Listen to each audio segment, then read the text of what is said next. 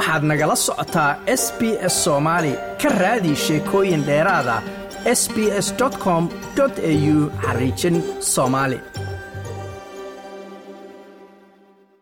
waa qayb kale oo ka mida barnaamijyadeennii deganaanshaha dalka.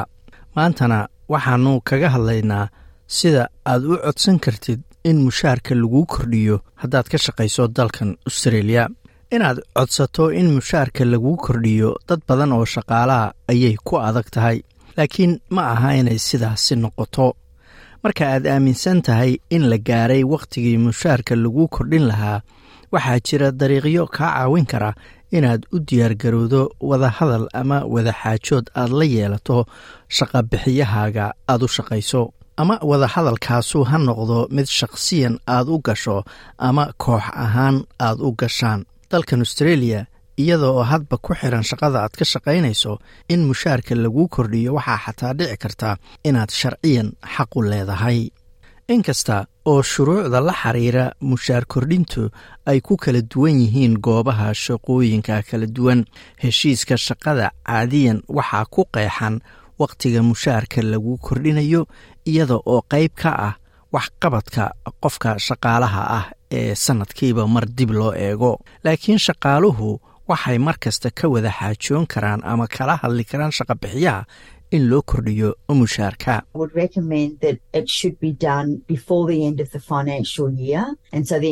Marka waxaan ku talinaynaa in wadahadalkaas la galo ka hor dhammaadka sannad miisaaniyadeedka oo ah dhammaadka soddonka bisha juun markaas oo ah marka miisaaniyadda iyo arrimaha maaliyadda ee sannadka soo socda la dejiyo.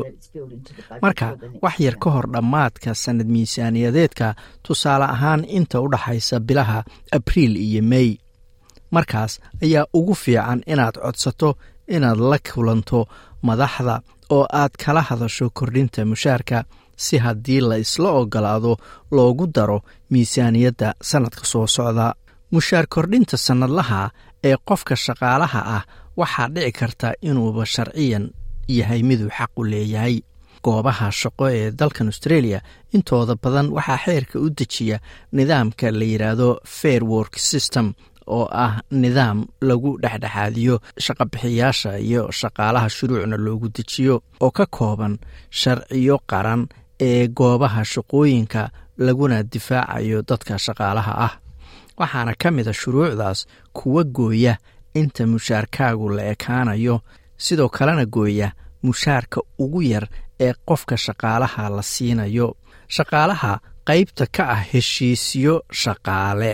Waxa ay xaq u leeyihiin in sannadkiiba mar mushaarka loo kordhiyo sida uu go'aamiyey guddiga shaqada iyo shaqaalaha ee fair work commission la yidhaahdo kadib markii wadahadal ay galaan shaqabixiyaha iyo ururka shaqaalaha oo isagu matala markaasi shaqaalaha. Rofesor dyang ayaa sheegtay in tallaabada u horeysa ka hor inta aadan mushaar kordhin codsan ay tahay inaad ogaato inaad heshiis mushaar bixina markii horeba kula jirtay shaqabixiyaha oo aad qayb ka tahay urur shaqaale oo heshiiskaasi gaaray. Mana jirto wax kaa hor istaagaya inaad codsato mushaar kordhin ka baxsan midka aad sharciyan xaqa u leedahay So they can negotiate a pay rise for anything over and above. They can negotiate over award payments or contract over and above. way ka wada xaajoon karaan mushaar kordhin iyo waxyaalo kaleba waxay ka xaajoon karaan heshiiska mushaar ee jira hadda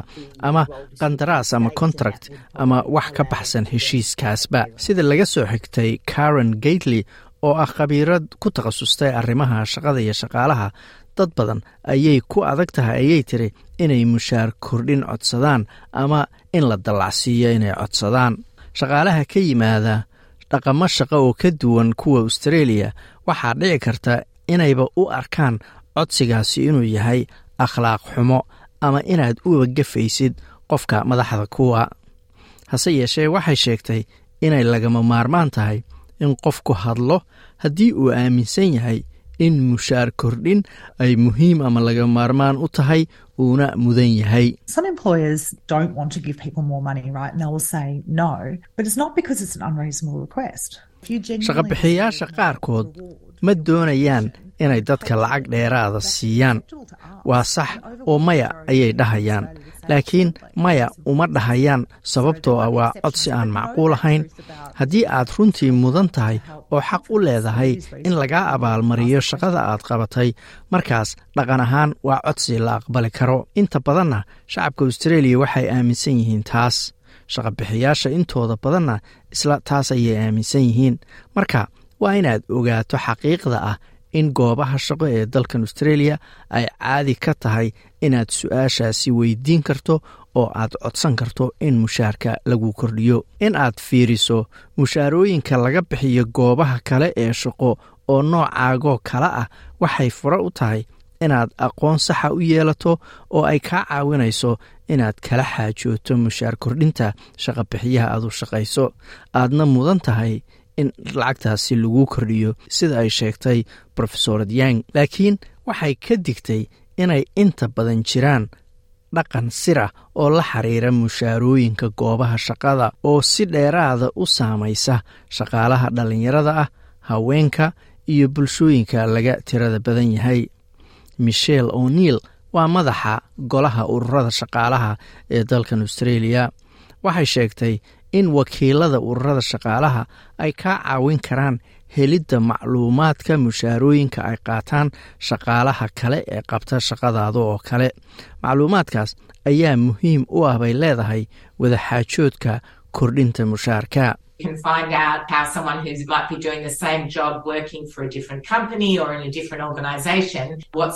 Waad ogaan kartaa sida qofka shaqadaada oo kala haya oo u shaqeeya shirkad kale ama hay'ad kale waxaad ogaan kartaa mushaarka ay qaataan inta uu leegyahay taas ayaana doodaada ku darsan kartaa oo waad odran kartaa dadkaasba intaas ayay qaataan shaqo isku mida ayaana qabanaa. Miss o'neil ayaa ku doodaysa inay sahlan tahay inaad wadaxaajood ku gashaan adoo xubin ka ah urur shaqaale Even if your workplace hasn't had an agreement before, you can join together with other workers in the union to say we want to negotiate an agreement. xataa haddii goobta shaqadaadu aysan heshiis hore gelin waxaad ku biiri kartaa shaqaalaha kale ee ururka shaqaalaha ku jira oo ay dhahaan waxaannu doonaynaa heshiis shaqaalaha oo dhan ka kooban qof kasta oo goobta ka shaqeeya mar walba way adag tahay in qof keli ahaan aad u xaajooto ama wadahadal ula gasho shaqabixiyaha waxaa jira caddaymo muujinaya in xubnaha ama dadka xubnaha ka ah ururada shaqaalaha ee dalkan australia ay celcelis ahaan saddex boqol iyo labayo toban dollar oo dheeraada helaan ama mushaar ahaan loo siiyo marka loo barbardhigo dadka aan ururada shaqaalaha ku jirin. Miss o'neil ayaa ku talinaysa in ka hor inta aadan shakhsiyan u codsan mushaar kordhin aad shaqaalaha xubnaha ka ah ururka shaqaalaha taageero ka doonataan si lagaaga caawiyo diyaargarowga wadahadalka waxayna ku siin karaan ayay tidhi talooyin iyo tusaalayaal ku saabsan hanaanka ugu fiican ee aad ku geli karto wadaxaajoodka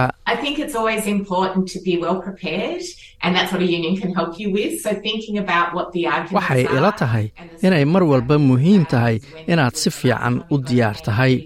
taas ayayna urur shaqaaluhu kaa caawin karaan.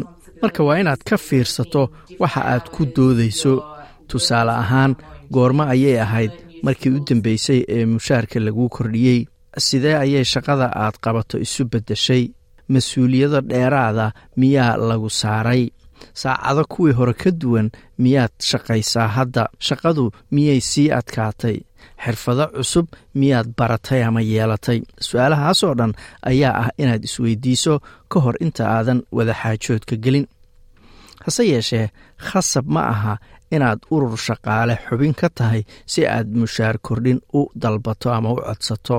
Haddii keligaa aad la xaajoonayso shaqabixiyaha oo cidna aysan ku matalayn rofesor yang ayaa ku talinaysa in hadalkaaga ama wadaxaajoodkaaga diiradda lagu saaro qiimaha aad shaqada ku soo kordhinayso ama waxtarkaaga.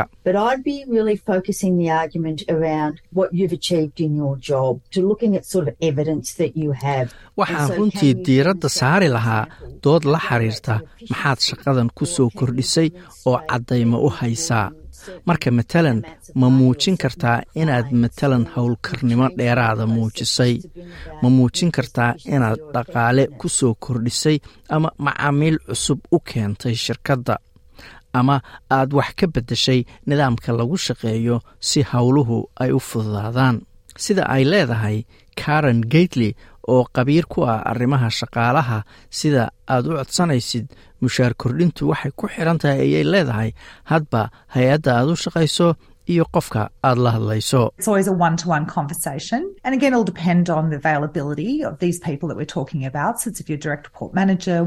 Inta badan waa any- wada hadal foolka fool ah oo adiga iyo hal qof aad ishor fadhiisanaysaan waxayse ku xiran tahay sida ay wakhti u leeyihiin dadka aad la hadlayso.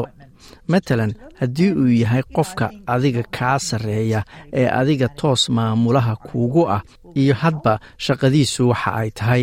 Haddii uu yahay qof mar walba xafiiska laga helo albaabka ayaad mar walba ku garaaci kartaa oo aad weydiin kartaa inay wakhti yar kuu hayaan ama kuu heli karaan si aad ula hadasho. Meelo kalena waxaa dhici karta inaad wakhti qabsato oo ballan samaysato. Marka ma aha in dhib weyn laga dhiga arrintan ayay tiri.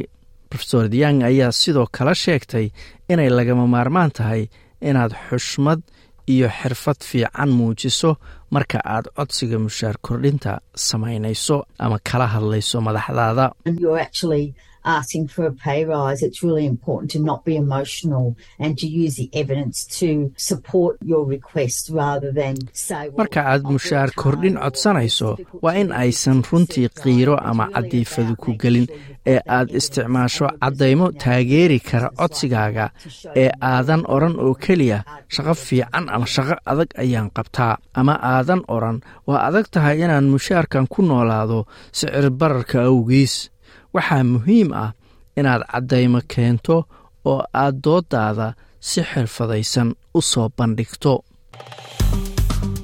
Like as la wadaag wax ka dheh lana soco barta facebooka ee sb s